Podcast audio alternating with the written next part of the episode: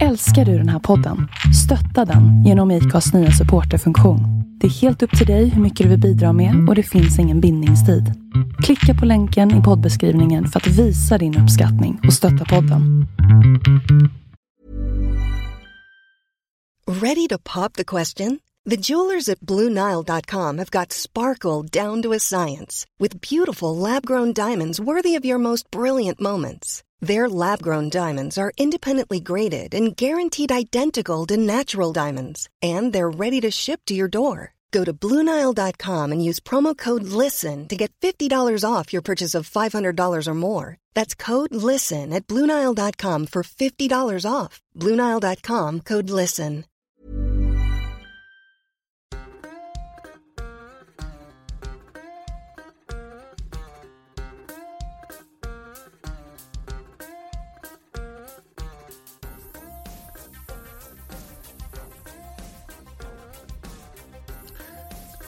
24 april så hade jag efter två tips eh, tagit kontakt med Sören Juvas på Twitter och frågat om han ville vara med. Och eh, då uppstod det lite missförstånd där, för Sören berättade att han är gravt heterosexuell, men på Facebook står det att han är gift med en kar. En kar som dessutom jag tror jag vet vem det är.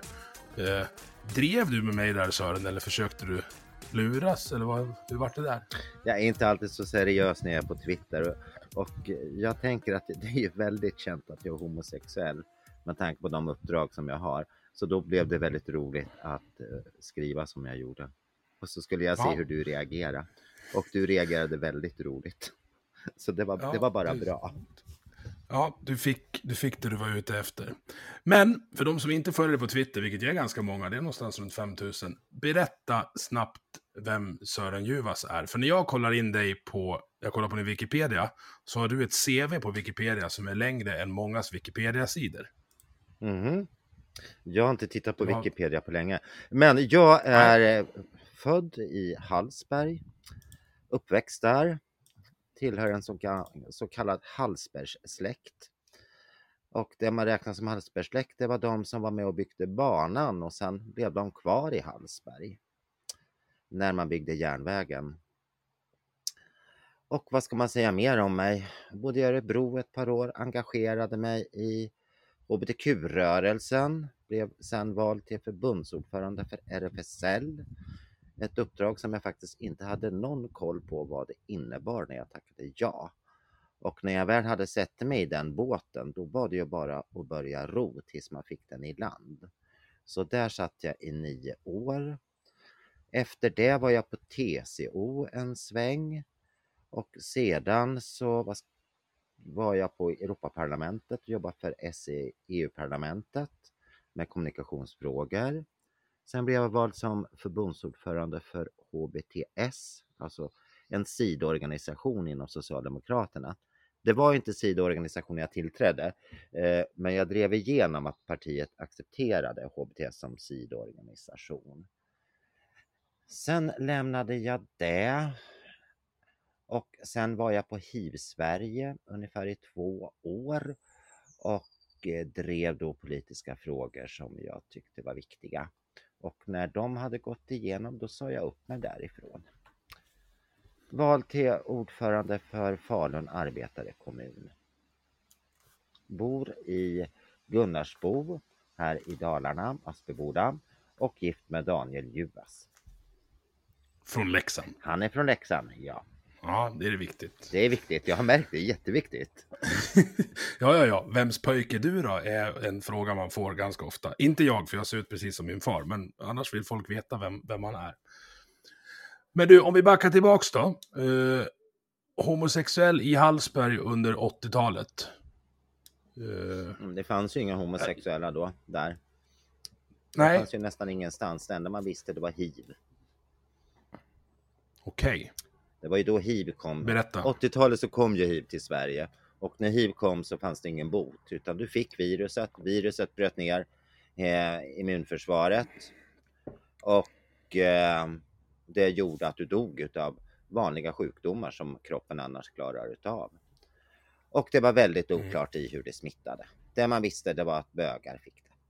Och nark- bögar, narkomaner och prostituerade.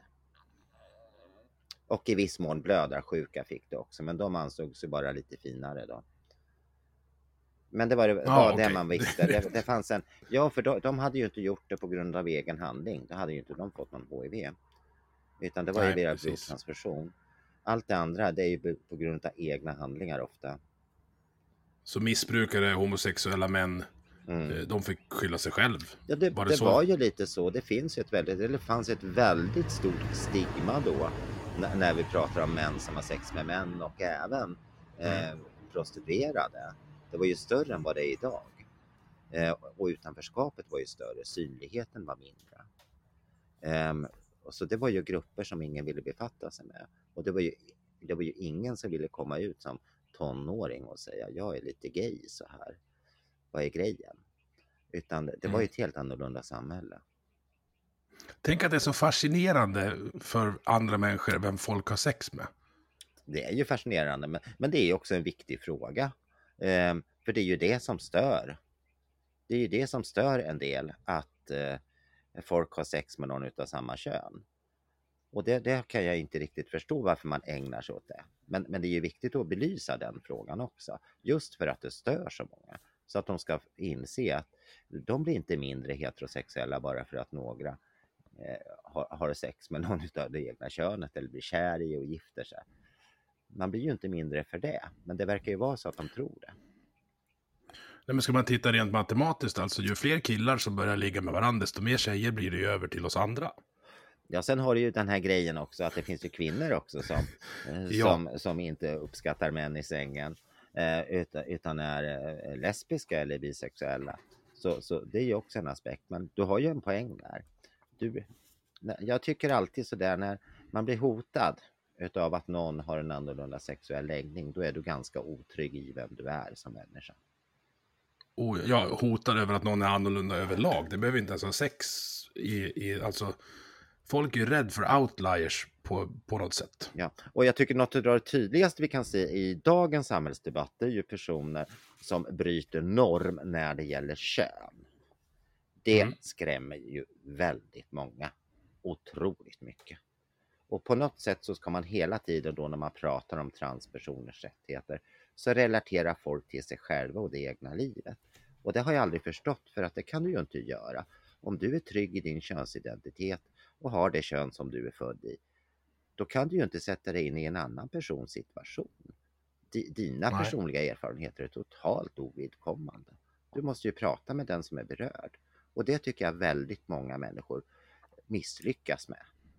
Och det är också, där, Ja. det är också därför som reformfrågorna hamnar så väldigt mycket på efterkälken. Där.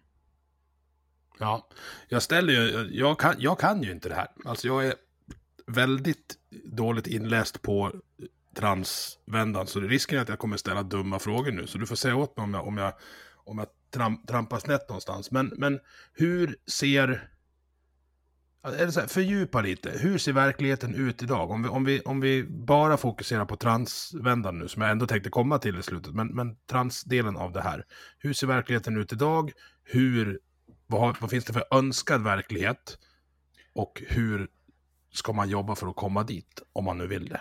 En, en sak som har kommit en förändring, alltså som det är idag, så eh, kan du ändra ditt juridiska kön utan att göra ingrepp i kroppen.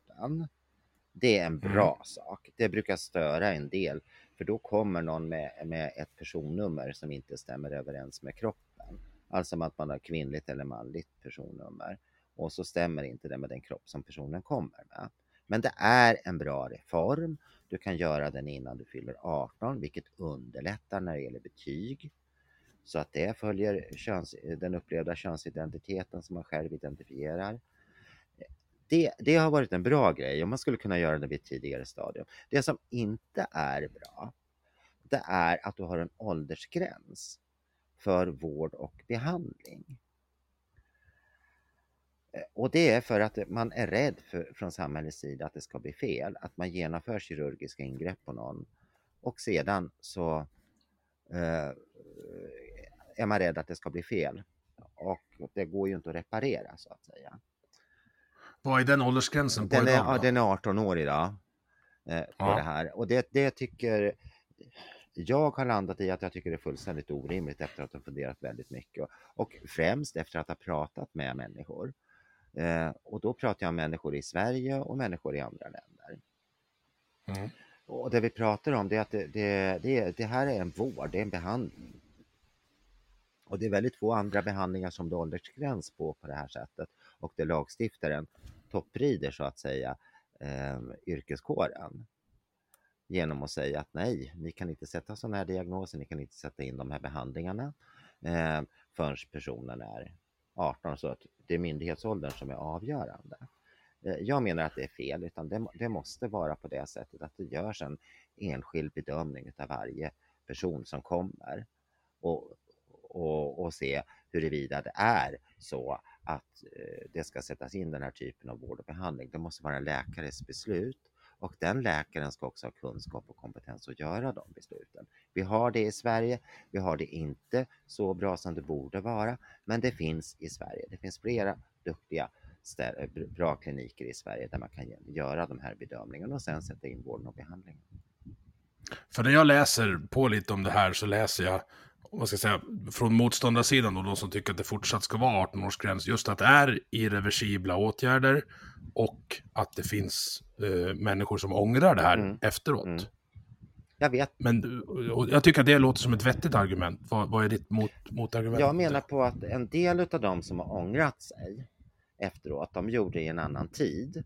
Men sen så finns det de som har ångrat sig i närtid också. Och när man pratar med dem så visar det ju sig att eh, de utgick ifrån att de var transpersoner på grund av omgivningens fördomar när det gäller hur maskulin eller hur fjollig kan en man vara?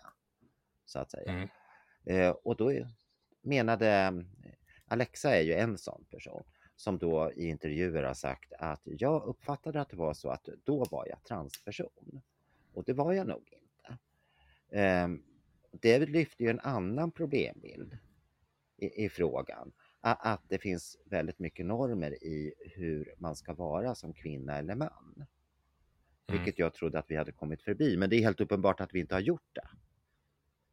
Men kan inte de normerna ha tjänat mänskligheten ganska bra genom åren? De har inte bara uppstått av sig själv, tänker jag, utan vi har funnits som art i, i vad, 65 000 år kanske? Ja, vi har funnits nästan ännu längre höll jag på att säga. Men, men det, nej, det tror inte jag för att det här är sociala konstruktioner. Eh, det här med att föda barn, det, det är ju mm. en sak, det är ju biologiskt betingat. Men hur eh, du uppfattas, vad som anses vara manligt, vad som anses vara kvinnligt, det har skiftat över tid. Så, ja. så, så det, det, är sociala konstruktioner. Det, det, det, bestämmer man gemensamt på olika sätt, medvetet eller omedvetet. Så, så det tror jag inte alls tjänar på det sättet, på ett positivt sätt. Snarare stänger det in människor i att man tvingas in i en roll som man kanske inte är bekväm med. Är du bekväm med det så är det väl helt okej, okay, men är du inte bekväm med det så måste du kunna få bete dig på ett annorlunda sätt. Men det är ju en annan mm. fråga än frågan om eh, transproblemet om man säger så. Är det så att det finns tre, tre aspekter? Alltså du säger biologi, och så säger vi eh, normer och så säger vi genus. Alltså är genus och normer är det ungefär samma härad? Det beror på vem du pratar med höll jag på att säga. Det, det här är ju eh, ett område där det finns otroligt mycket forskning. När vi pratar om social idé om vad ett kön är, då har en biologisk idé om vad ett kön är också. Det, det, om vi istället säger att vi utgår ifrån kroppar och beteenden så blir det enklare mm. än om vi använder ord som genus. Ja, okej. Okay. Jag, jag, tycker att man ska ja, prata på ett enkelt sätt så att det blir begripligt. Vet man hur många personer det här rör sig om? Alltså procentuell del av befolkningen som ja, är har... eller skulle vilja vara normbrytare? Eller, som, ja. som, identifierar sig. Det handlar inte om vilja att vara utan att identifiera Nej, okay. sig. Det, jag har inte de siffrorna på hand men det är inte en stor grupp. Nej, och jag, jag, jag, jag tycker det här blir... Det känns som att frågan tar ganska stor plats då i förhållande till, till gruppen. Vad, vad beror det på? Det är för att det skrämmer människor. Det, ja. det ifrågasätter ju människors egen syn på sitt kön. Här kommer det några och säger att nej, jag har inte det kön som jag uppfattades ha när jag föddes. jag mår inte bra i den här kroppen, jag vill korrigera den. Mm. Den möjligheten finns ju att göra. Då, då är det bra att göra Ja. det. Men det tvingar ju också alla andra runt omkring att ta ställning till sin egna kropp. Och det skrämmer väldigt. Och det kan bli lite läskigt. många, alltså. många blir ju väldigt rädda. Alltså då, då blir det så inte ens, jag kan inte ens få vara man utan att ifrågasätta det. Eller definiera det. Det, det är liksom det, det, jag tycker det är lite klent utav rätt många. Ja, det, det, jag, nej, men jag, håller, jag håller med dig. Och jag, jag är nog gravt heterosexuell som du, som du försökte lura mig att du var. ja. Men alltså, ja. Det, är, det här är ju saker som man inte tänker på i vardagen. I varje fall inte jag. Jag har ju väldigt lite Nej. eh, Och blir det då ett, här... blir det ett problem för dig om jag uttrycker det så? Om, om Nej, grannen har genomgått en det. könskorrigerad behandling och du upptäcker det efter 40 år att Pelle föddes som Agda. Ja, nej, det, alltså, det, det struntar jag i. Sen finns det aspekter i det eh, som, som jag har lite problem med. Alltså när det gäller ja, men, det mest kända fallet nu då, den här eh, simmaren i USA. Alltså när det gäller elitidrott och sena transitioner, Mm. då är vi och nosar på fusk, eh, tycker jag. Ja, du, du, du tänker att folk är så fanatiska i att vinna så att en man väljer då att genomgå könskorrigerande eh, behandling och identifierar sig då som eh, kvinna och har en annorlunda typ av muskelmassa eftersom behandlingen sattes in i, i, efter tonårstiden. Ja, Jag, se, jag säger Så- så- inte så har att... bättre, att du, har- du, eh, har ju, du har ju mer muskelmassa. Och- Ja, nej, jag, jag säger inte att man gör eh, transitionen för att man vill vinna. Men jag säger också att elitidrottare har en tendens att vilja vinna saker och ting. Mm. Och om det då dyker upp någon som har 20 kilo muskler extra, det gör ju att alla i prislistan förskjuts en position neråt. Ja. Och jag, kan, jag kan förstå ur deras perspektiv då att en, någon som är född som tjej och har, har simmat hela livet för att, för att ta den här guldmedaljen och får ett silver. Ja, jag tycker inte, kanske inte att det är helt rättvist mot henne. Samtidigt så tycker jag att det är en marginalfråga om jag ska vara helt ärlig. Är det en aktiv, Ja, är, oh ja, är- och det är, förstår jag är också. det en aktiv Alltså, diskriminering i det där fallet, då ska det ju hanteras som diskrimineringsfall. Eh, för de personerna som genomgår den här korrigerande behandlingen, de får ju också hormonpreparat som gör att kroppen Ja. vidhåller eh, li, liksom, eh, ja, behandlingens effekt. Och, och det får ju också påverkan på, på faktorer som den olika typer av prestation också. Men, men, Mm. men det viktiga i den här frågan tycker jag, det är att det är en sån seghet i att se till att personer får adekvat vård och behandling och får det i tid. Och det på grund utav omgivningens rädsla och fördomar. När det istället ska satsas på att man ska utbilda ordentligt eh, de be- behandlingspersonalen, en ad- eh, konsekvent och adekvat utbildning som ger korrekta diagnoser och behandlingar Mm. eller snarare korrekta bedömningar och behandlingar så att felgreppen, eh, de misstag som har gjorts, för det har det gjorts vid några enstaka fall, att de blir mindre. Men om du Ja, också... så få som möjligt måste ju vara måste ju ja, vara, det, det, ska, vara ju- det ska ju inte vara någon som, som får en felaktig behandling. Eh, Men, men eh, du måste ju också väga det mot det psykiska måendet hos personer Ja. som inte får det här eh, behandlingen som är rätt allvarligt. Det handlar om liv och död för många personer. Ja det, ja, det förstår jag. Jag tänker att, att det är ganska många som mår dåligt i tonåringen, Mm. tonåren, oavsett hur, hur gammal man är. Kan det vara så att man, man Alltså att man, om, om den här lösningen finns. Jag är lite skeptisk. Alltså folk som inte kör bil kanske man inte ska operera bort delar på. Jag, jag, jag, gillar nog 18-årsgränsen, även om jag förstår att det kan vara svinjobbigt om man liksom är 16 och 100% säker på att det är, jag, behöver, jag behöver byta. Ja, jag, gillar, är- jag gillar ju inte 18-årsgränsen. Det enda som är positivt med 18-årsgränsen det är att du är myndig och tar ett eget beslut. Det är det enda som är positivt med den. Du kan inte lägga det på någon annan utan det är ett eget medvetet beslut. Förhoppningsvis medvetet. Men det är du som tar beslutet. Du är myndig, du har rätt att ta egna beslut om dig själv. Men jag har också sett hur illa en del personer mår eh, innan 18-årsgränsen och de får inte ens eh, förberedande hormonbehandling i vissa fall. Vi- vi- vilket också är galet.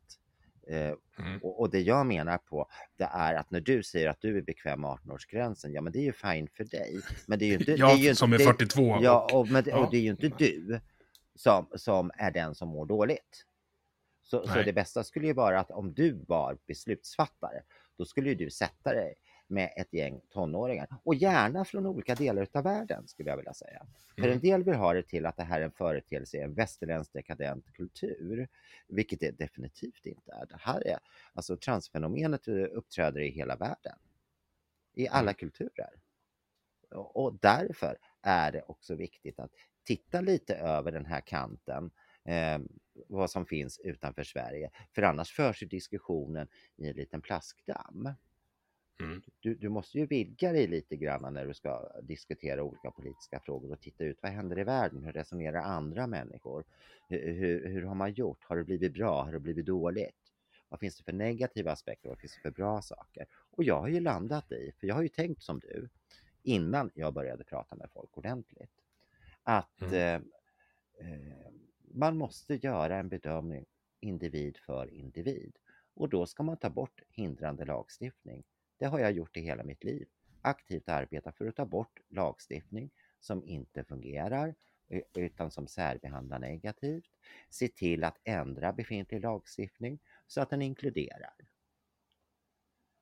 Ja, jag är nästan alltid med på att ta bort lagar. Jag vill ju ha så få som möjligt, ty tycker jag. Men hur, jag, har, ju- jag är ju pappa också. Eh, Mm. hur, ser, hur ser du på föräldrarollen då om man eh, ska börja eh, korrigera och för, vad sa du, förhandsbehandla? Jag antar att det är hormonella preparat då. Hur ser föräldrarollen ut då om det här är till ett barn som är under 18, alltså omyndig? Huvuddelen av de människor som jag har träffat och, och har föräldrar som vill att deras barn ska må bra. Mm. Det tror jag alla vill. Ja, sen finns det en del fall där man försöker, det vet vi ju all, all, allihopa, vi, vi kan se det så fort en unge inte lever upp till förväntningarna. Så, och det gör ju inga barn som man får, det är ju inte direkt man har beställt det som kommer. Utan, Nej. utan det är ju någonting som är helt annorlunda och så undrar man hur gick det här till? Men man tycker om ungen ändå. Eh, för, alltså, oavsett vad vi pratar om så är det ju inte vad man har förväntat sig att få barn. Eh, men så finns ju de som försöker tvinga in sina barn i den roll som man vill ha. Och det fungerar ju Mm. aldrig eh, när, när det går emot eh, vil, vilket barnet är. Om det, man ska få barnet att bete sig för någonting som den inte är. Och det är oavsett vad vi pratar om. Men det, så finns det, det, de föräldrarna finns ju. Men de kanske inte ska ha barn överhuvudtaget oavsett om, om deras barn eh, är transsexuella eller inte. Eh, eh, eller om det handlar om sexuell läggning. Eller att flickan vill bli polis. Ja, du förstår hur jag resonerar. Ja, ja, Finns det någon risk att det där går åt andra hållet också? Att det finns föräldrar som, som, som önskar sig transbarn? Då, är det, Då då, finns det en risk då, att då det- ska ju inte de föräldrarna heller ha några barn. Höll Nej, men alltså, det kan vi vara överens om att Det- det, det, finns ett gäng som avlar fast de inte ska. Det är, så, så är Ja, det ju alltid. Så, så, så är det ju. Utan du måste ju hela tiden utgå från det barn som kommer till dig. Och, och Ja. titta på vem är du då? Och hur ska du må bra? Och hur ska du kunna lyckas här i livet? Det, är ju liksom grunden. Och är det så att vi har Mm. lagstiftning i Sverige oavsett vad det handlar om som, som hindrar barn och människor från att utvecklas till vilka de är, då ska vi ändra på den lagstiftningen. Det, Ja. det är inte svårare än så tänker jag, för att lagen är till för att strukturera samhället på ett rättvist sätt. Det, det, den är inte till för att vi slaviskt ska följa den. Funkar inte en lagstiftning, då får man ändra den. På samma sätt Mm. som om terrängen inte stämmer överens med kartan, då går man på terrängen och man ritar Mm. om kartan. Ja, he, helt enig. Och där är vi... Alltså vi, vi svenskar kanske är sämst i världen på just de där grejerna. Alltså vi har en tendens att bara borra ner huvudet och bara nej, så har vi aldrig gjort förut. Och så fortsätter vi fast det är... Ja, det stämmer väl Eh. inte riktigt på mig, höll jag på att säga. Nej, inte på dig, men jag, jag tänker på, på vanlisarna. Eh, för jag var, jag var inne och läste någonting om vi, ska, om, vi, om vi släpper transfrågan för en stund och så går vi tillbaks till, till hiv-grejen. Ja, det låter lite förminskande, hiv-grejen. Men vi går tillbaks till där, när du var hiv-ombudsman. Då läste jag en debattartikel om informationsplikt. Ja, Det är en jättespännande Kan, kan du berätta fråga. om den? Men det här är ju en fråga som alla reagerar negativt på när man säger det. Eh, idag är det så att om du lever med HIV i kroppen så är du enligt lag eh, tvungen att informera den du ska ha sex med att du har hiv. Det är en lagstiftning som är rätt dum. Den har alltid varit dum. Eh, för att huvuddelen utav de som eh, där, där smitta går över från en person till en annan, då, har- då har den som har smittat en annan person, den vet inte om sin hiv-status. Så, så har det sett ut i huvuddelen utav de fallen. Alltså till 99. Alltså den som har smittat vet, vet inte om Nej. att... Personer som, Nej. som får information om att du har HIV i kroppen har i alla tider varit väldigt, väldigt eh, vad heter det, skötsamma så att det inte ska gå vidare till andra. Sen har du Mm. de som aktivt och medvetet går ut och smittar andra med HIV. För det har förekommit och det förekommer fortfarande. Det är en väldigt, väldigt, väldigt liten grupp. Och de sätter man åt, Ja, på, det- de sätter man åt på annat sätt. Det är en gravt kriminell handling att medvetet skada andra människor på det sättet. Så de ska sättas inom lås och bom. Det finns inget att diskutera. Eh, men eh, när det gäller informationsplikten så är den jättedum eftersom huvuddelen av de som där smittöverföring sker vet inte om sin hiv-status. Eh, Och det, så, och det innebär ju också att den som inte lever med HIV, den tror ju att, eller alla tror ju då att den som lever med HIV eller har HIV i kroppen ska berätta. De som har kännedom om den här lagen och det är rätt många som har det. Att man ska ha Mm. kunskap om att den som lever med HIV ska berätta. Och då tror alla att ja men det här är ju safe. Personen säger ingenting. Här behöver vi inte tänka på att skydda oss. Aha, då är jag med. Då blir det ju ett, ett jätteproblem. Sen 96 kom mediciner som gör att produktionen av fritt virus i kroppen minskar och försvinner efter en tid i behandling. Och det är kort tid vi pratar om. Mediciner är jätteeffektiva idag. Och det innebär, i sak så innebär det att det säkraste ligget idag, det är att ha sex med en person som vet om sin hiv-status och står på en behandling som fungerar. Om jag uttrycker det så. Det lät jättekonstigt va? Ja, alltså, det var inte det jag hade förväntat mig riktigt. Eh, Och eh, den här frågan om informationsplikten, den har spelat ut sin roll. Och då ska den bort. Och där finns det ju ett riksdagsbeslut nu. Eh, där man alla var eniga utom Sverigedemokraterna som jag glömde, jag tror de glömde bort att eh, reservera sig i den frågan i kammaren. Men samtliga partier var ju, ställde sig bakom att man skulle ta bort informationsplikten eh, för de personer som står på en välfungerande behandling. Det är fullständigt logiskt. jag var det inte att man skulle tillsätta en utredning för att ta bort den? Ja, Till och med. Men Det var inte så att den, det var inte beslut på att ta bort den, utan man skulle kolla vilka konsekvenser. Ja, ja, men det skulle det, få. det innebär ju i praktiken i Sverige, säger man att man ska ta, tillsätta en utredning i en viss inriktning så innebär ju det att åsikten är att det ska bort. Om det inte är Ja. så i utredningen framkommer att det finns väldigt kraftfulla skäl att bibehålla någonting. Mm. Men i regel är det redan så mycket undersökt innan riksdagen tar beslutet så att det är väldigt sällan som man inte följer utredningens rekommendationer. Jag drar en parallell till, jag har haft eh, bland annat Erik Petschler, polisen, med här Mm. och pratade om, om det här att de inte vill, Sverige vill inte utreda sin narkotikapolitik, som är en katastrof, för att man är lite rädd för vad utredningen ska komma fram till. Kan det finnas en sån aspekt i det här informationspliktsutredningen också, att man vill inte få fart på den för att man vet vad den ska? Men det här är ju, två, det här är ju väldigt bra för den frågan var ju uppe på samma, eh, den, den var ju uppe i samma beslut. Eh, det, var- det var den 4 mars det året eh, som man tog beslut om, om det här. Och det är ju också en grej som jag tycker är helt galen. Vi har den högsta narkotikadödligheten i Europa, i Sverige. Mm. Människor dör, helt Mm. enkelt. Varje dag. Varje dag, alltså det är en- en per dag. Ja, varje dag dör människor. De dör på grund av att de använder narkotika, de dör på grund av beroendet. Men de dör också på grund av den svenska narkotikalagstiftningen som inte gör Mm. det möjligt för människor att komma till myndigheter och säga jag är beroende av narkotika. Jag behöver Mm. hjälp, jag behöver vård, jag behöver behandling. Utan att man hamnar i kriminalregistret. För det är ju Mm. det som händer. Mm. Har du narkotika i kroppen så är du kriminell och du hamnar i registret. När man kriminaliserade användningen av narkotika i Sverige så från början var det på det sättet att eh, vad heter det, du kunde begära vård och behandling. Du fick det. Du hamnade inte i kriminalregistret. Det ändrades sen. Den, den ändringarna har gjort också att polisen riktar in sig på enskilda narkomaner som använder Mm. narkotika istället för att rikta in sig på ligorna. Nej, Och även rekreationsbrukare. Alltså man måste skilja på bruk och missbruk. Men det gör ju inte Det- polisen i det här Nej, fallet. det gör de inte för de utgår från svensk lagstiftning och i svensk lagstiftning så finns det inte någonting som heter bruk när det gäller narkotika. Det finns det när det gäller alkohol, men det finns det Mm. inte när det gäller nar- narkotika i svensk lagstiftning. Du kan inte bruka. Eh, och eh, vad heter det i lagens mening. Men rent socialt kan du självklart bruka. Det, är Ja, två, det det, där- är alltså två, det där- det det där här är två olika paradigmer att titta på det.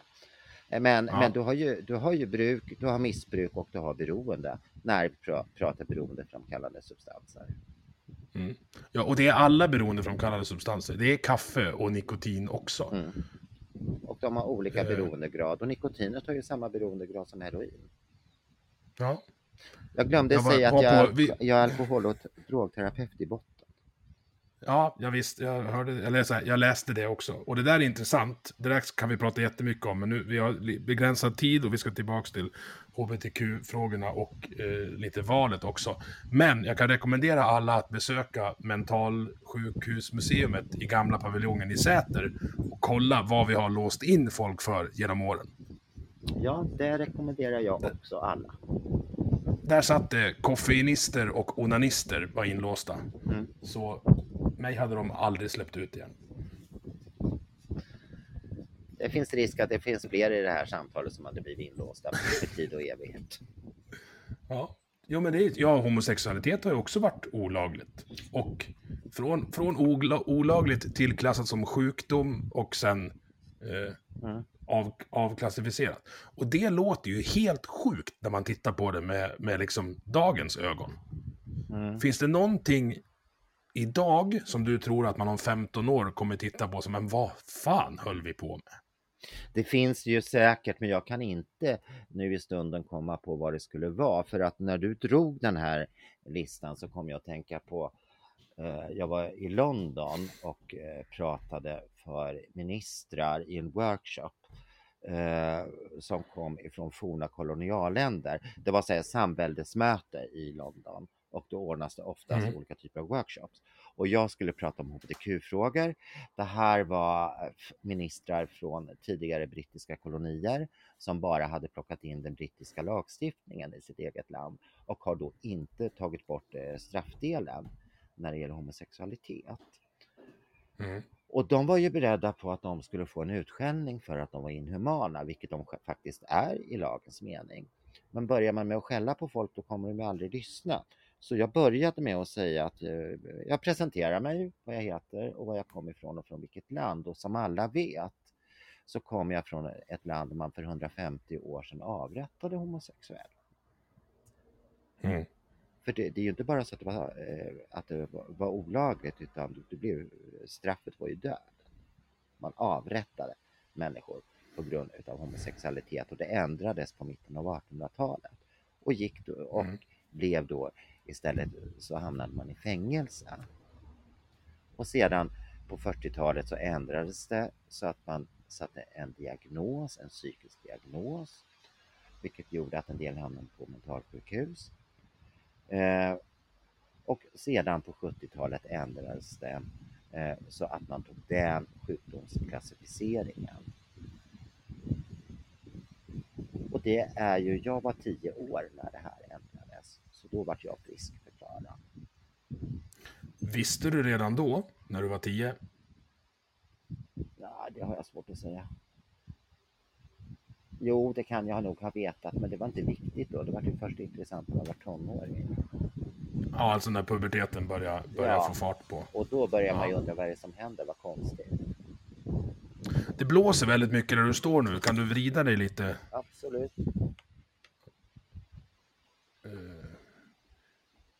Jo, det, alltså, det, det där är också intressant. Eh, jag antar att man får berätta den storyn ganska ofta. Eh, alltså komma ut historier väl motsvarigheten till lumparhistorier, antar jag. Mm. Eh, vill du dela med dig eller ska vi hoppa till nästa? Nej, men man kan väl uttrycka det så här att jag berättade uh, för folk att jag var gay först när jag eh, skaffade ett förhållande som var viktigt. Mm. Som varade mer än en natt om jag uttrycker det så. Eh, Ja. Och eh, då blev det viktigt. Men samtidigt så var det ju en parallell värld. Jag var ju aktiv i RFSL på eh, lokalavdelningsnivå då under en tid. Där, fanns, där var man öppen då. Eh, Mm. och, men, men inte ut mot släkt, vänner och liknande fullt ut. Utan det blev först när jag skaffade ett förhållande. Och det tycker jag är väldigt bra om jag jämför med den uppväxt som jag hade. Det är ju mycket bättre idag. Människor, unga människor har ju en större möjlighet att vara öppna än vad som då var. Men samtidigt Mm. så är det ju alltid en resa för den personen. Även om jag som äldre upplever att det är ett mycket bättre samhälle och, och smidigare idag än vad det var för tidigare så upplever ju säkert dagens ungdomar samma brottningar med att man bryter norm.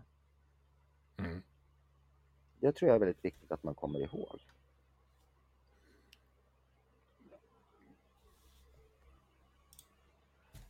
Ja, alltså du sätter, du sätter fart på delar av min hjärna som jag inte använder i vanliga, vanliga dagar. Det är mycket, mycket att fundera på. Eh, vi, vi går vidare då till, till det politiska. This is Paige, the co-host of Giggly Squad, and I want to tell you about a company that I've been loving, Olive and June. Olive and June gives you everything that you need for a salon quality manicure in one box. And if you break it down, it really comes out to $2 a manicure, which is absolutely insane. It's also so easy to get salon worthy nails at home with Olive and June. The difference between how your nails used to look when you did them yourself and now with the Manny system is a complete game changer. The best thing about Olive and June too is it's a quick dry. Dries in about one minute, lasts for five days, and full coverage in up to one to two coats. Visit oliveandjune.com slash perfectmanny20 for 20% off your first system. That's oliveandjune.com slash perfectmanny20 for 20% off your first system. Burrow is a furniture company known for timeless design and thoughtful construction and free shipping, and that extends to their outdoor collection. Their outdoor furniture is built to withstand the elements, featuring rust-proof stainless steel hardware, weather-ready teak, and quick-dry foam cushions. For Memorial Day, get 15% off your Burrow purchase at burrow.com/acast and up to 25% off outdoor. That's up to 25% off outdoor furniture at burrow.com/acast. Du berättade om HBTS, eh, som då är en sidoorganisation till Socialdemokratiska arbetarpartiet, vilket du var med och såg till att de blev. Mm. Du är också aktiv eh, i, i Falun, som du sa tidigare. Ja. Eh, valet nu då, om vi tar det på riksnivå, ser ju ut att bli, gå mot ett regeringsskifte. Det här, vi spelar in idag den 19 september, Mm. nej, 20 september. Mm. Eh, och vi har fortfarande ingen regering på plats då efter valet för, för Mm. tio dagar sedan. Eh, men det ser ju ut att bli en, ett maktskifte och en regering med stöd av Sverigedemokraterna. Mm. Hur tror du att det kommer påverka vardagen för hbtq-personer i Sverige? Det kommer påverka vardagen negativt om SD får reell politisk makt över de frågorna, skulle jag vilja säga. Mm. Och, och det, är inte, Tror du att de kommer få det? det är väldigt tveksamt, men min erfarenhet är att minoritetsgrupper säljer man väldigt fort ut ifrån majoritetssamhället. Mm. Det, det, det, det, så, så ser det helt enkelt ut, så har det alltid sett ut. Och då, då Jo, det tror inte då- jag är en höger-vänster-fråga heller. Det, Det- tror nej, jag att vänstern är Nej, precis, och- precis och- Om jag tittar på Twitter så när man pratar rättighetsfrågor så anses det vara vänster och det har jag aldrig förstått. Eh, vad är det för Nej. dumheter? Antingen så tror du på att alla människor har lika mycket värde eller också tror du inte på det. Och det är inte höger-vänster-fråga på det sättet. Man kan väl också uttrycka det så att eh, om vi tittar på den skattning som RFSL gjorde på de politiska partierna då, då Mm. var ju de flesta partier i regeringskonstellationen förutom SD då, hade ju rätt höga poäng. De hade ju högre poäng än vad Socialdemokraterna hade i den undersökningen, vilket stör mig enormt mycket. Ja, det kan jag tänka mig. Ja, men det gör det definitivt. Mm. Eh, Det finns inte en reform som har genomförts utan att Socialdemokraterna tillsatt utredningen. Sen har de tagit vid olika, alltså de har tagits under alliansregeringar ibland, men ofta löst sig i kammaren för att KD har i regel varit emot. Nu är inte KD Mm. samma mörkerstycke när det gäller hbtq-frågor som de en gång har varit, även om det har extremt fördomsfulla personer i riksdagsgruppen hos Kristdemokraterna. Moderaterna har ändrat fot totalt och jag kan också se att man inom Sverigedemokraterna har ändrat sig. Men dock då när det gäller övergrepp i Mellanöstern mot hbtq-personer, då är det okej att ta ställning för hbtq-gruppen. Annars har man ju inte gjort det från Sverigedemokraterna. Nej. Men som sagt, det är det här. Tror du att, jag, jag tror ju att Liberalerna, KD och Moderaterna kommer sätta ner foten ganska rejält om de börjar närma sig att inskränka någon rätt. Så vi, finns det ens någon låg, lågt hängande frukt där de kan sabba om de skulle vilja? Ja, trans, jag är inte helt eh, att... Transfrågan är väl ett alldeles utmärkt exempel, ehm, skulle jag vilja säga. Frågan om informationsplikten är också en intressant fråga som de, eh, jag tror att eh, majoritetssamhället skulle bara sälja ut rakt av. Mm. Eh, hur skarp man är i utrikespolitiken kan också vara en sån fråga. Och där är det så att Sverige har varit en väldigt stark röst i världen för sexuella rättigheter både för kvinnor och män men också hbtq-rättigheter och transpersoners rättigheter. Eh, det kan man ju bara titta på en sån minister som Eva Björling som var så in, något så intressant som handelsminister som lyfte frågan om abort, hbtq-rättigheter eh, varje gång hon besökte ett annat land, även om hon var där som handelsminister. Ja.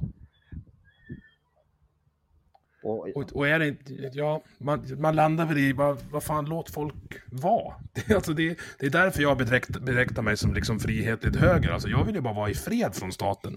De ska skita vad jag gör med mitt hus, med min familj och vem, vem jag hånglar med eller går ännu längre med. Det tycker jag inte staten har med att göra. det tycker inte jag. Varken det- vår eller någon annan. Nej, det, jag delar din uppfattning fullt ut där, förutom när det gäller vissa lagrum. Och då pratar vi typ eh, äktenskapslagstiftning, att det ska vara lika för alla, att man har en sambolag som gäller lika. Ehm, och det handlar ju om efterlevandeskydd och trygghet i relationer för människor, Ja. de lagarna. Eh, sedan så har vi ju skyddslagarna. Det var ju där jag och Ilan hade olika uppfattningar, att han tyckte att det eh, var skadligt och jag menar att han är naiv och lever i en växt, han bor i ett litet växthus där han kan leva som han är och är rätt skyddad i detta. Det, det förekommer aktiv diskriminering, medveten aktiv diskriminering mot hbtq-personer, mot, mot judar, mot andra minoriteter. Och då krävs det en skyddslagstiftning som gör att eh, det blir negativa konsekvenser för den som diskriminerar. Och den måste kunna påvisa. eh, om, man, om någon diskriminerar ska den kunna påvisa att den faktiskt inte har diskriminerat. Och det är för att Nej, ska- och ska- hur, skapa- hur gör man skapa- det då? Alltså det är, jätt, Ja, det är jättesvårt att bevisa ett negativ. Ja, ja, men det är jättesvårt att bevisa, helt rätt. Men vad är skälet till att du diskriminerar från början? Jag menar, de tar ju inte upp några fall som inte är en diskrimineringsfråga. Utan de flesta diskrimineringsfall de sköts ju via förlikning. För faktum är Mm. att det förekommer diskriminering, medveten diskriminering. Och det är inte okej. Vi ska ha ett samhälle där folk ska kunna leva öppna så som de är, inte som de förväntas Mm. vara. Och det vi vet också, det är att en del människor använder, eh, alltså de medvetet förtrycker det som är annorlunda dem själva och skrämmer människor till Mm. tystnad och skrämmer in dem i garderoben kan vi säga eller in i det dolda. Och det är inte okej, det är ett hot mot hela samhället, demokratin, det är också ett ho- hot mot utvecklingen i landet. Utan vi ska ha ett samhälle där människor kan stå raka och friska och må bra. Och tyvärr så behövs diskrimineringslagstiftningen. Och den dag det inte finns att ha kvar den längre, då är jag den första att säga nu tar vi bort den här skitlagen. För det är en skitlag. Mm. Det är skit att man ska behöva en sån lagstiftning i ett demokratiskt land. Ja, och, som sagt, jag, jag tänker på den rent juridiska processen. Det är ju supersvårt att bevisa. Ja, men säg, att, säg att du och jag söker samma jobb. Ja, Eh, du berättar att du bor ihop med, med eh, Daniel va? Mm. Ja, och jag berättar att jag bor ihop med Therese. Mm. Och så berättar vi massa andra saker också. Ja, Och så får eh, en av oss jobbet. ja. Eh, och den andra misstänker att det beror på den respektive sexuella läggning. ja. Hur ska man kunna bevisa det? Det Om någon inte har sagt det, att vi, vi vill inte ha bögar på, på den här arbetsplatsen. För det är det ju väldigt sällan någon är så pass dum som de säger, antar jag. Ja. Om de nu inte vill det. Det kan ju vara andra sidan och andra hållet också. För jag vet när jag var på RFSL så anställde jag för första gången en person som råkade vara heterosexuell. Och då var det ju några som reagerade på det. det. Så kan man väl inte göra? Det kan man väl visst, det sa jag. Om vi nu har den här idén om att man inte ska bli särbehandlad på grund negativt på grund av sin sexuella Mm. läggning. Då gäller ju det även heterosexuella. Mm.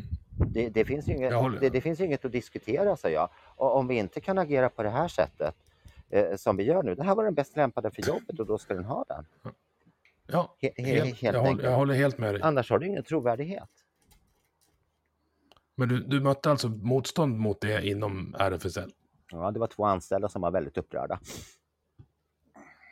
Ja. Det fick de väl vara om de Förstod ville. de efter ett tag? De, Eller? de förstod det rätt snart för de tappade hakan när jag sa det jag gjorde. Och då sa de, jag förstår, sa de bara och så gick de. Och det här var då ändå medvetna personer som har jobbat med, vad heter det, rättighetsfrågor under väldigt lång tid utav sitt liv och verkligen slagits. Det var liksom den tidiga, första generationens aktivister i Sverige. Eh, Så de vet ju precis vad diskriminering kostar. Men de hade lite svårt att liksom kliva upp ur sin egen skyttegrav då och, och se det Ja, för vad det var. Ja, och det är ju inte ovanligt. Det är ju inte ovanligt att människor, oavsett om vi pratar rättighetskämpar eller de som är emot rättigheter, men många människor har ju svårt att kliva ur sin egen skyttegrav och sätta sig själv i relation till annat. Eh, och, se, Mm. och titta på sig själv hur man tänker och resonerar. Och det menar jag, det är en skyldighet man har att göra, att hela tiden reflektera över jag tycker så här och varför gör jag det? Annars har du ingen progressivitet eller utveckling och då har du ingen självkritik och då är du inte heller vuxen. Mm. Så jag, jag kommer ihåg mitt första möte med en öppet homosexuell man och jag kommer ihåg det så jävla väl. Eh, det var på, på IRC i kanalen Kärlek. Så satt, vi, satt folk och pratade och så bara, ja, nu kommer bögen var det någon som skrev och jag bara, nej, men det finns ju inga bögar här. Och han bara, jo, men jag eh, onanerar till filmer på killar. Det brukar vara en indikation på att man är homosexuell. Det behöver det ju faktiskt Och då var- inte vara, har jag upptäckt. Ja. Nej, nej men så här, och jag var, fem, jag var 15 år och tyckte att först var det, ja men det var den här normala 15-åriga landsbygdspojksreaktionen bara, uh, vad är det här? Mm. Och sen började vi prata och bara, men vänta du, det här är också en människa. Ja. Ja, vad ska jag bry mig om hur han, ja. Och så, det var något slags uppvaknande och ganska, ganska brutalt uppvaknande till hur dum jag hade varit innan i min, min eh, man är ju dum som pubertal 15-åring. Det är ju bara att inse att man vet ju ingenting. Men man tror att man, tror att man vet det. Man vet ju allt som 15-åring och det är lite Ja, ja. Det är jobbigt varje gång man upptäcker hoppsan, jag hade inte rätt.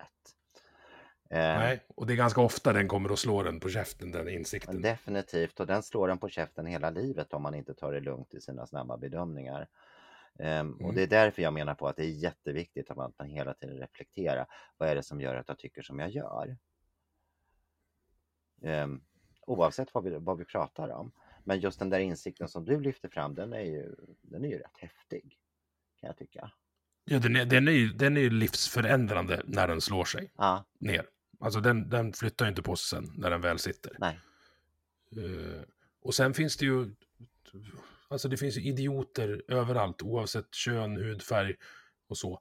Ja, Men jag, jag tycker att ibland, ibland kanske en del av ens identitet tar väldigt mycket plats. Att man bara blir, ja men förstår du, man är bara läxing, man är bara invandrare, man är bara homosexuell, man är bara socialdemokrat, man är bara moderat. Mm. Men det är ju inte folk. Människor är ju otroligt komplexa varelser. Så att liksom Mm. kategorisera utifrån bara en eller två aspekter i det hela gör, det, det gör oss inte smartare nej. direkt. Du har helt rätt. Ja, Jag kommer inte argumentera mot dig där. För jag delar den uppfattningen också. Du var med och skrev ett öppet brev inför valet med fyra punkter. Jag tänker vi tar dem eh, en och en här. Den första var förbjud omvändelseförsök av hbtqi-personer. Ja.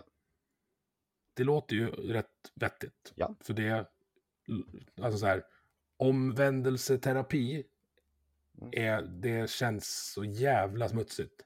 Det är ju smutsigt. Det är ju väldigt smutsigt. Vad gör man, alltså vad, vad håller de på med? Det känns, och jag får så här frikyrkliga vibbar också, du får säga om jag har fel. Nej, du har tyvärr inte fel. En del frikyrkor, då vill jag säga en del frikyrkor, vi ska inte lägga alla frikyrkor under samma hatt. För fri, eh, eh, eh, frikyrkorna är något av det mest vitala vi har i Sverige. Men sen finns det en del frikyrkor som är väldigt fördomsfulla och ehm, där man aktivt driver kampanjer mot homosexuella. Man har omvändelseterapier, man skickar sina tonåringar på läger för att de ska lära sig eh, liksom att leva heterosexuellt. Alltså man, man kränker eh, ungdomarnas integritet. Och då gör man det genom att sätta då 10-15 pojkar som eventuellt tror att de är homosexuella på samma läger. Ja. Det låter ju som en jättebra plan. Jättebra plan med tonåringar. Eh, Mm. det, det är inte alls bra. Eh, det, nej, nej, det är inte alls bra att göra sånt här. Det är ett övergrepp helt enkelt. Ja. Och det, det ska man inte ägna sig åt. Och det, men vi kan ju inte heller eh, sitta och titta på som samhälle när föräldrar skickar iväg sina ungar eh, till systematiska övergrepp. Utan då, det ska förbjudas helt enkelt. Jag håller med dig igen. Eh, punkt två. Inför en ny könstillhörighetslag som stärker transpersoners egen makt. Den har vi ju snuddat vid, men Mm. utveckla gärna. Det handlar ju helt enkelt om att transpersoner ska ha rätt till vård och behandling utifrån egna villkor. Och det ska vara en vård och behandling som också grundar sig på vetenskap och beprövad evidens som det finns väldigt mycket av. Just nu Mm. så ser det politiska läget ut, alltså förutsättningarna att kunna få vård och behandling utgår hela tiden ifrån någon annans bedömning i, i detta och det är lagstiftningen som avgör. Och där behöver Men man det, det ändra gör väl nästan all vård Ja. eh, som inte är med Det- receptfria tabletter Ja men precis. från någons Och vilken annan vård eh, vet du som är lagstyrd på det sättet att du måste uppnått en viss ålder för att kunna erhålla den? Nej, det tror jag inte det finns någon. Nej, så varför ska vi ha det på det här viset? När det gäller Ja, där, har, där har du nog där har nog din omvändelseterapi kanske lyckats lite med mig idag Sören. Ja. Men, Men, men det ja, kräver ju om det också- är det kräver ju om det är vetenskapsbaserat och Mm. liksom... Eh, men jag är lite orolig för det här irreversibla. Alltså det finns ju 13-åringar som tror att de är rymdvarelser. Ska vi, ja. Mm. Då får de ju tro det Man är inte så jävla smart i tonåren. En del tonåringar är ju jättesmarta, andra är ju mindre. De har ju, andra har ju en större utvecklingspotential skulle jag vilja uttrycka det som. Det låter bättre än att säga att de är helt galna. väldigt diplomatiskt. Eh, Ja. Men, men eh, gr- grunden måste ju vara att det blir en adekvat be- bedömning i det här. Det här ska ju inte snytas ur någon näsa på en gång. Du- Nej. Utan det måste vara en adekvat bedömning helt enkelt. Och sen om det är en, vi är, är, om vi säger nu på ren och skär svenska, om det är en knäppis som kommer in så är ju det en knäppis oavsett o- o- o- om vi pratar om könstillhörighet eller om vi pra, pratar om aliens, att man är en aliens. Mm. För det kan ju en del få för sig. Och det är oavsett om man är tonåring eller inte så kan folk få för sig sånt. Och, och, och, utan jag, jag tänker att jag litar väl på att eh, huvuddelen av de svenska läkarna vet vad de gör. Helt enkelt. Mm. Jag eh, får se om vi ska bli osams nu då. Det blir Eh, spännande. osams, level. ja, men inte, inte hålla med varandra. Eh, ska se. Jo, eh, när, jag, när jag kollar upp och jag satt, satt i natt och, och kikade lite på debatter om sånt här. Mm. Det här eh, transkvinnor är kvinnor-argumentet Mm. har jag lite, lite ja, men så här, jag har lite svårt för det. Och jag ska, om jag får utveckla bara lite varför. För jag, jag hittade ett klipp där, eh, jag tror att det var, det var nå- någonstans på brittiska öarna, jag ska inte säga vilken stad. Där blir alltså ett gäng eh, homosexuella kvinnor attackerade av transkvinnor i en Pride-parad. Har du sett det? Det har inte jag sett. Nej, de har alltså en flagga med sig där det står eh, eh, vi lesbiska tycker inte om snoppar, Mm. fast på engelska då. Mm. Och då eh, blir det, alltså det blir slagsmål för att det är transkvinnor, alltså mm, som har eh, M- från... MTF. Male to female. Ja, male to female. Ja. Eh, utan att ha gjort eh, någon operation, alltså underlivsoperation. Och hävdar då att eh, lesbiska tjejer som inte vill ligga med dem för att de har snopp är homofober. Och då tappar de mig kan jag säga, rakt av. För det, det blir för konstigt. Ja, du, jag är också tappad i den här frågan. Vi är överens. Ja, vad synd höll jag på att säga. Nej, men det är, väl, ja. det är väl inte så synd. Det, det är väl helt enkelt så. Här har vi ett gäng brudar av olika åldrar som tänder på att Mm. ligga med kvinnor. Alltså människor som identifierar sig som kvinnor. Men det är också den kroppen personen har som man tänder på. Ja, Och då blir det ju lite fel om det är en snopp med, om man nu förväntar sig en vagina. ja man blir ju överraskad. Ja, och det är ju inte riktigt vad man har förväntat sig. Utan det, det man tänder på, eh, alltså det, det, könsorganen är ju en del av det som man tänder på. Ja, Och, och, och, och, så jag förstår inte jag förstår inte varför man söker den typen av konflikt och säga att du diskriminerar mig för att jag, jag identifierar mig som kvinna och eh, tänder på tjejer, då blir jag lesbisk. Fine, ja, där håller jag med om. Men sen gå vidare och ni diskriminerar oss bara för vi har inte eh, korrigerat eh, våra, våra könsorgan. Och då, då har de fel. Det handlar inte om diskriminering, det handlar om preferens. ja. He- Helt enkelt. Om man tar åt an Så- andra hållet då, om, om en heterosexuell man får med sig ett ragg hem som man tror är kvinna och upptäcker att det inte är det. Mm. Eh, alltså, Cornel, vad ska vi kalla det? Cornelis Vreeswijk-syndromet. Eh, syndromet. Ja, Eh. Ja, ja, eh, han gjorde ju det och var dömd för misshandel för att det small ju i den lägenheten då. ja, det var ju eh, dumt att han slog och självklart ska han bli dömd för misshandel. Ja, Eh, eh, men självklart ska han ha rätt att slänga ut han, eh, han, människan i fråga. självklart För ska han ha rätt att säga tack Ja. men nej tack, det här var inte det jag trodde det skulle vara. Och jag tänder inte på det här. Men det var ju trevligt att vi hånglade en stund. Typ. Ja. Men nu blir det inget mer. nej, och det där är ju, måste ju vara upp till var och en tycke och smak. Ja. För jag kan ju inte gå ut på krogen och identifiera mig som jordens jävla hunk och tycka att tjejerna som inte tycker det diskriminerar mig. Det, det, det är ju inte med verkligheten.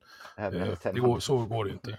nej, nej, men alltså det, jag, jag tycker det här är det är intressanta frågor att diskutera men, men i grunden, alltså, folk ligger ju med vem de vill ligga med.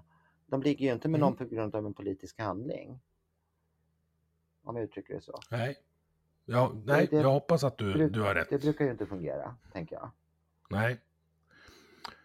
Punkt tre då, bygg en familjepolitik där alla familjer räknas och får samma skydd. Och det var du ju uppe och pratade om här lite med sambolagstiftning. Och jag tänker, sambolagstiftningen i Sverige är ju här, hyfsat fungerande. Det finns något som heter under äktenskapliga former, Mm. om man pratar om efterlevnad och så.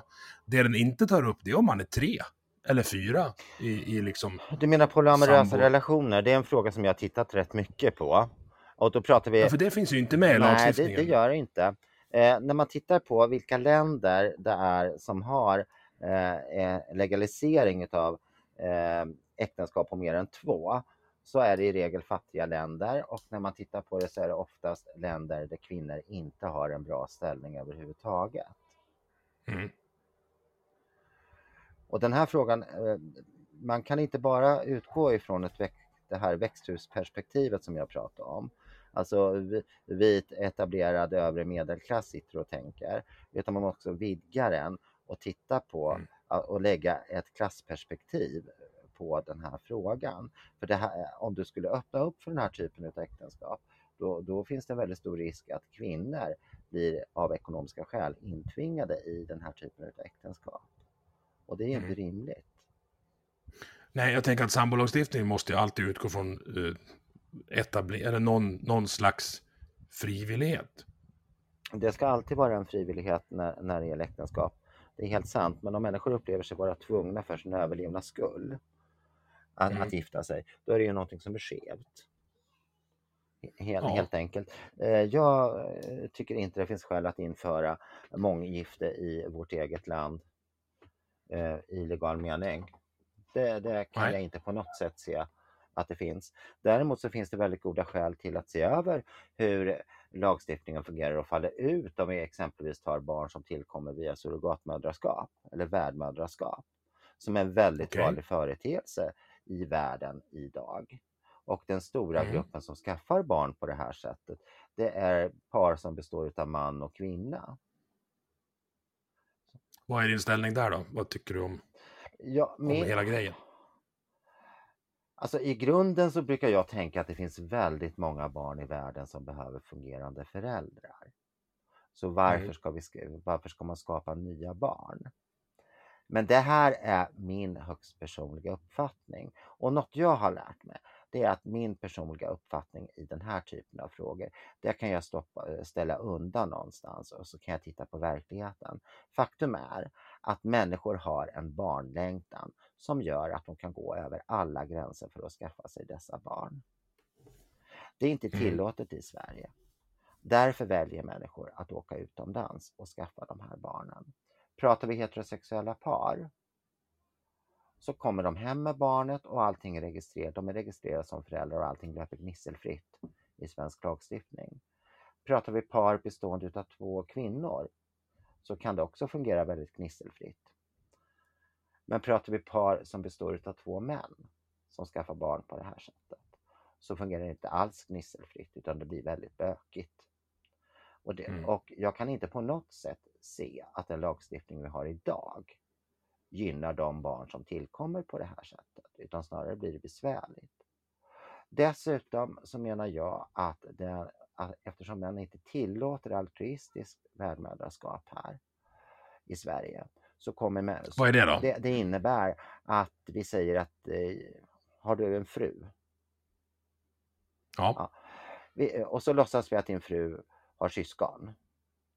Och Ja. ett utav syskonen kan, de kan inte få barn tillsammans. Och då säger din fru, men det är okej. Jag kan bära fram barnet. Och sen så går, hon, går man till en fertilitetsklinik och man stoppar in ett embryo och så växer det och hon föder barnet och sedan så, så får syskonet eh, det här barnet och de blir rättsliga föräldrar. Och det gör hon för att Och då, då är det ägg och spermier från syskon? Ja. eh, Alltså, ja. Eh, precis, det är värdmödraskap vi pratar om. Det är inte tillåtet att göra i Sverige idag. Och då åker folk utomlands. Jag menar på att det ska vara möjligt i Sverige. För det som nu sker, det är ju att svenska medborgare, de åker till andra länder och en del åker till väldigt fattiga länder. Där kvinnor gör det här för att de ska kunna överleva, för att familjen ska kunna överleva. Det tycker jag är fruktansvärt dekadent och kolonialt. Ja, och det blir ju en klassfråga också. Det är inte alla svenskar par som har det är en råd väldigt att stark göra eh, den grejen. klassfråga att eh, skaffa barn på det här sättet är dyrt. Mm. Så, så enkelt är. Men det, Det är dyrt nog ändå. Alltså, ja, det, jag har mm. förstått det, det är jättedyrt har jag noterat. ja. Eh, Men det jag tycker är det problematiska här, att det man, man kan inte hålla på att lasta människor för deras barnlängtan i sig själv. Nej, Eh, absolut Utan inte. hur, hur de genomför det här, det, det kan man ju föra en diskussion om. Och i det fall när man utnyttjar, när det blir eh, en form av ekonomiskt utnyttjande, då blir det ju förkastligt. Mm. Sen finns det ju kliniker där man är väldigt noga med att det är, inte är eh, en, eh, att man inte utnyttjar människor. Det finns ju väldigt eh, skarpa lagstiftningar i vissa delar av världen eh, för, för att eh, människor inte ska utnyttjas i de här situationerna. Och där skaffar ju också svenskar barn. Men det jag ser som ett jättestort problem, det är att man inte tar i frågan på ett adekvat sätt i Sverige. Utan, Nej, och det där är man, också- vet, man vet att det här förekommer. Likväl Mm. så har man ingen lösning, eh, inhemsk lösning. Det, det jag har sett är att det diskuterades i en utredning att man skulle straffbelägga de som skaffar barn på det här sättet i annat land och kommer hem med barn där de är rättsliga föräldrar. För det är det som blir i de här länderna där, man har reglerat det på ett schysst sätt. Då blir de föräldrar eh, liksom till barnet när det föds om mamman inte ändrar sig, alltså hon som bär fram barnet. För det måste ju Mm. också finnas med. Då blir de rättsliga föräldrar och så kommer de till Sverige och sen så framkommer det att det här har tillkommit via surrogatmödraskap. Ja, då sätter vi de här två vuxna i fängelse och vad gör vi med barnet då? Det har ju inte bett om att få komma till världen. Och den som har Nej. burit fram barnet vill absolut inte ha barnet. För, det, för den, den har fött fram barnet till ett barnlöst par som den vill vara behjälplig för. Jag tänker att det finns paralleller där till det vi pratade om förut. Alltså du, du sa barnlängtan nu. Mm. Det är ju en, en drivkraft som folk har och den kommer vi aldrig kunna reglera bort. Likadant med eh, om vi går till sexualdriften Mm. och, och, och åt vilka håll den pekar. Mm. Omöjligt att reglera bort. Eh, viljan att berusa sig finns latent i ja, ska säga 95 procent av befolkningen. Omöjliga att reglera bort. Och då är vi där igen på de här, eh, men så här dumma lagar. Alltså lagar ska ju inte eh, göra mer våld på individens rättigheter än, än absolut nödvändigt. Jag, jag tänker att lagar ska vi ha för vi ska skapa så mycket frihet för så många som möjligt. Ja, Och det måste också vara lagar på ett sådant sätt att när de blir begränsade så måste ändå slut, eh, utfallet vara på det sättet att huvuddelen av befolkningen blir, får en större frihet. Och det här är en lagstiftning som jag har svårt för att man inte vill ta i på samma sätt som jag har svårt för att man inte vill utreda frågan om narko- svensk narkotikalagstiftning. Eh, och likadant så har jag väldigt svårt för frågan om informationsplikten. Alltså hur kan du vara socialdemokrat då? Alltså för min bild av Socialdemokraterna är att alla, det finns tre lösningar. Så vi tillsätter en utredning, vi startar en myndighet eller vi höjer en skatt. Det är lösningar på allt. Mm, Då skulle jag väl säga det att du är tycker väldigt fördomsfull när det gäller Socialdemokraterna. Och det är ju Ja, det kan du vara lugn för att jätteroligt. det är. Då är det ju jätteroligt att vi har det här samtalet. Så du får se Ja, att får du, du, du hade inte helt rätt i bedömningen av Socialdemokraterna. Men utredning, definitivt. Jag är socialdemokrat. Det ska inte göras förändringar utan att vi utreder konsekvenserna. Nej, nej, nej. Och det ska vara, alltså, det ska vara riktiga utredningar. För oftast, nej, oftast när man, när man eh, ändrar någonting så kan risken är att det får precis motsatt effekt mot vad det är man vill försöka ändra. När man har ett, ett halvfungerande system och så gör man en ändring, då kan det riskera att bli sämre. Mm. På, på, ja. Det är ju inte bra. Och det där kan jag ju säga, det har ju jag sett. eh, Jag har ju jobbat väldigt mycket mot olika regeringar, både borgerliga och socialdemokratiska. Och det kan jag säga, det, de där utredningarna och resultatet av det sen, det, det, det dyker upp i båda. Det handlar, inte om någon partifärg höger, vänster. Nej. Utan ibland så är det faktiskt inget bra. Det är absolut inte bra det som kommer. Nej, och då, beg, då begraver man det ibland. Och eh, ibland kan det vara bra, men det går emot den ideologiska inriktning på den som har beställt. Och då är det ingenting man skickar ut.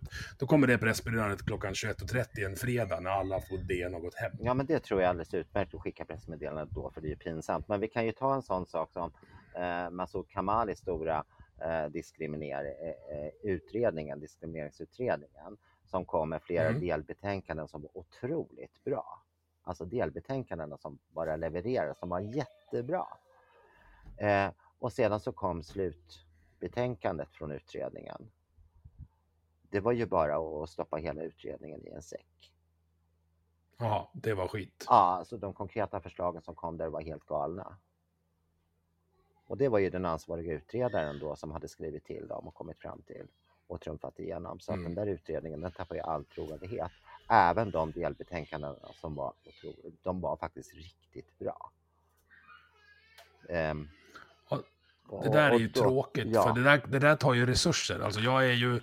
Jag gillar inte slöseri med skattemedel, alltså jag blir tokig på, på när jag ser vad, vad pengar går till när det Mm. finns uppenbarligt andra ställen att stoppa dem i. Fast där, där måste jag också säga att den processen som man gjorde i den här utredningen var också väldigt viktig för arbetet för att skapa ett samhälle som är så fritt som vi kan få.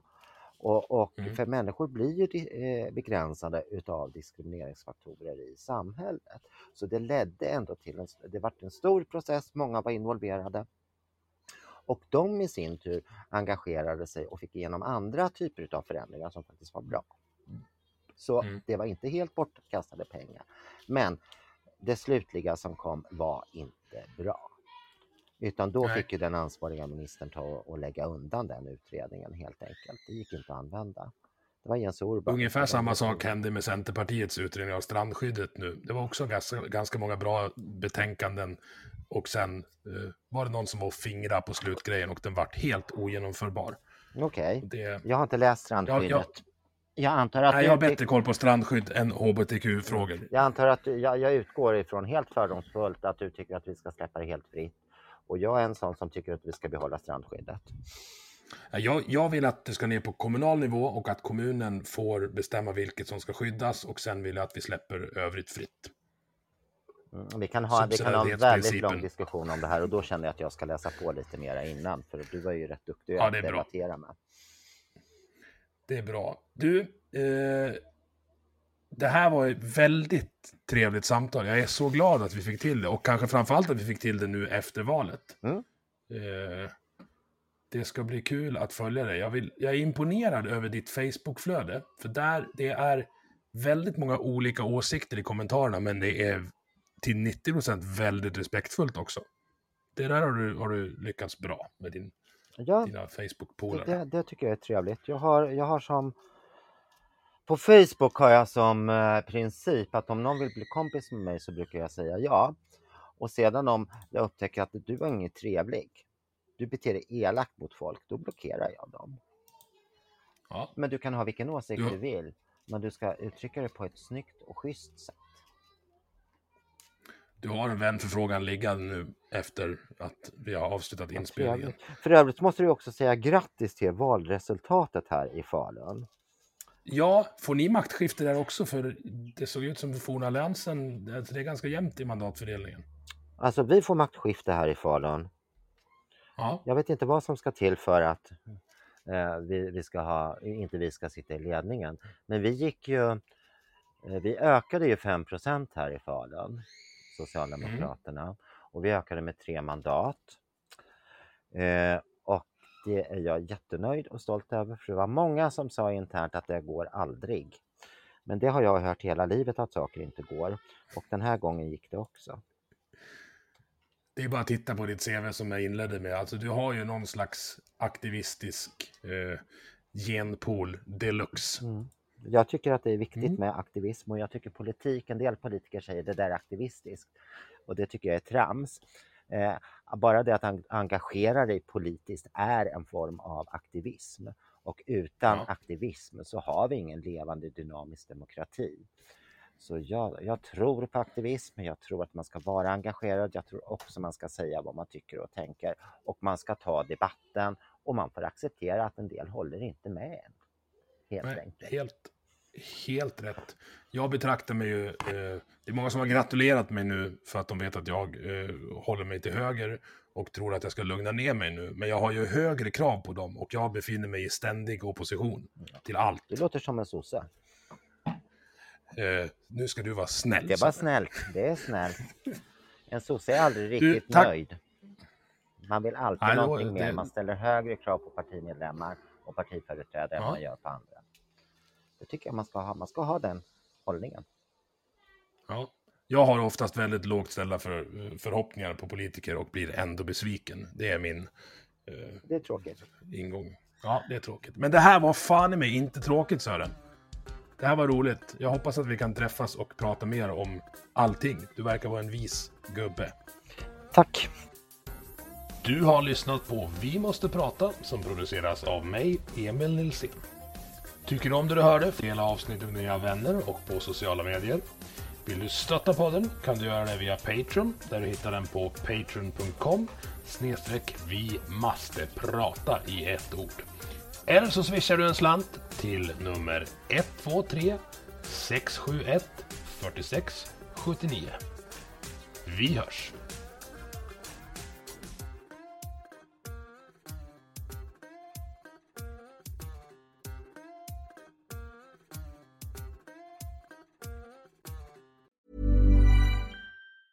A lot can happen in three years, like a chatbot may be your new best friend. But what won't change? Needing health insurance. United Healthcare Tri Term Medical Plans, underwritten by Golden Rule Insurance Company, offer flexible, budget friendly coverage that lasts nearly three years in some states. Learn more at uh1.com.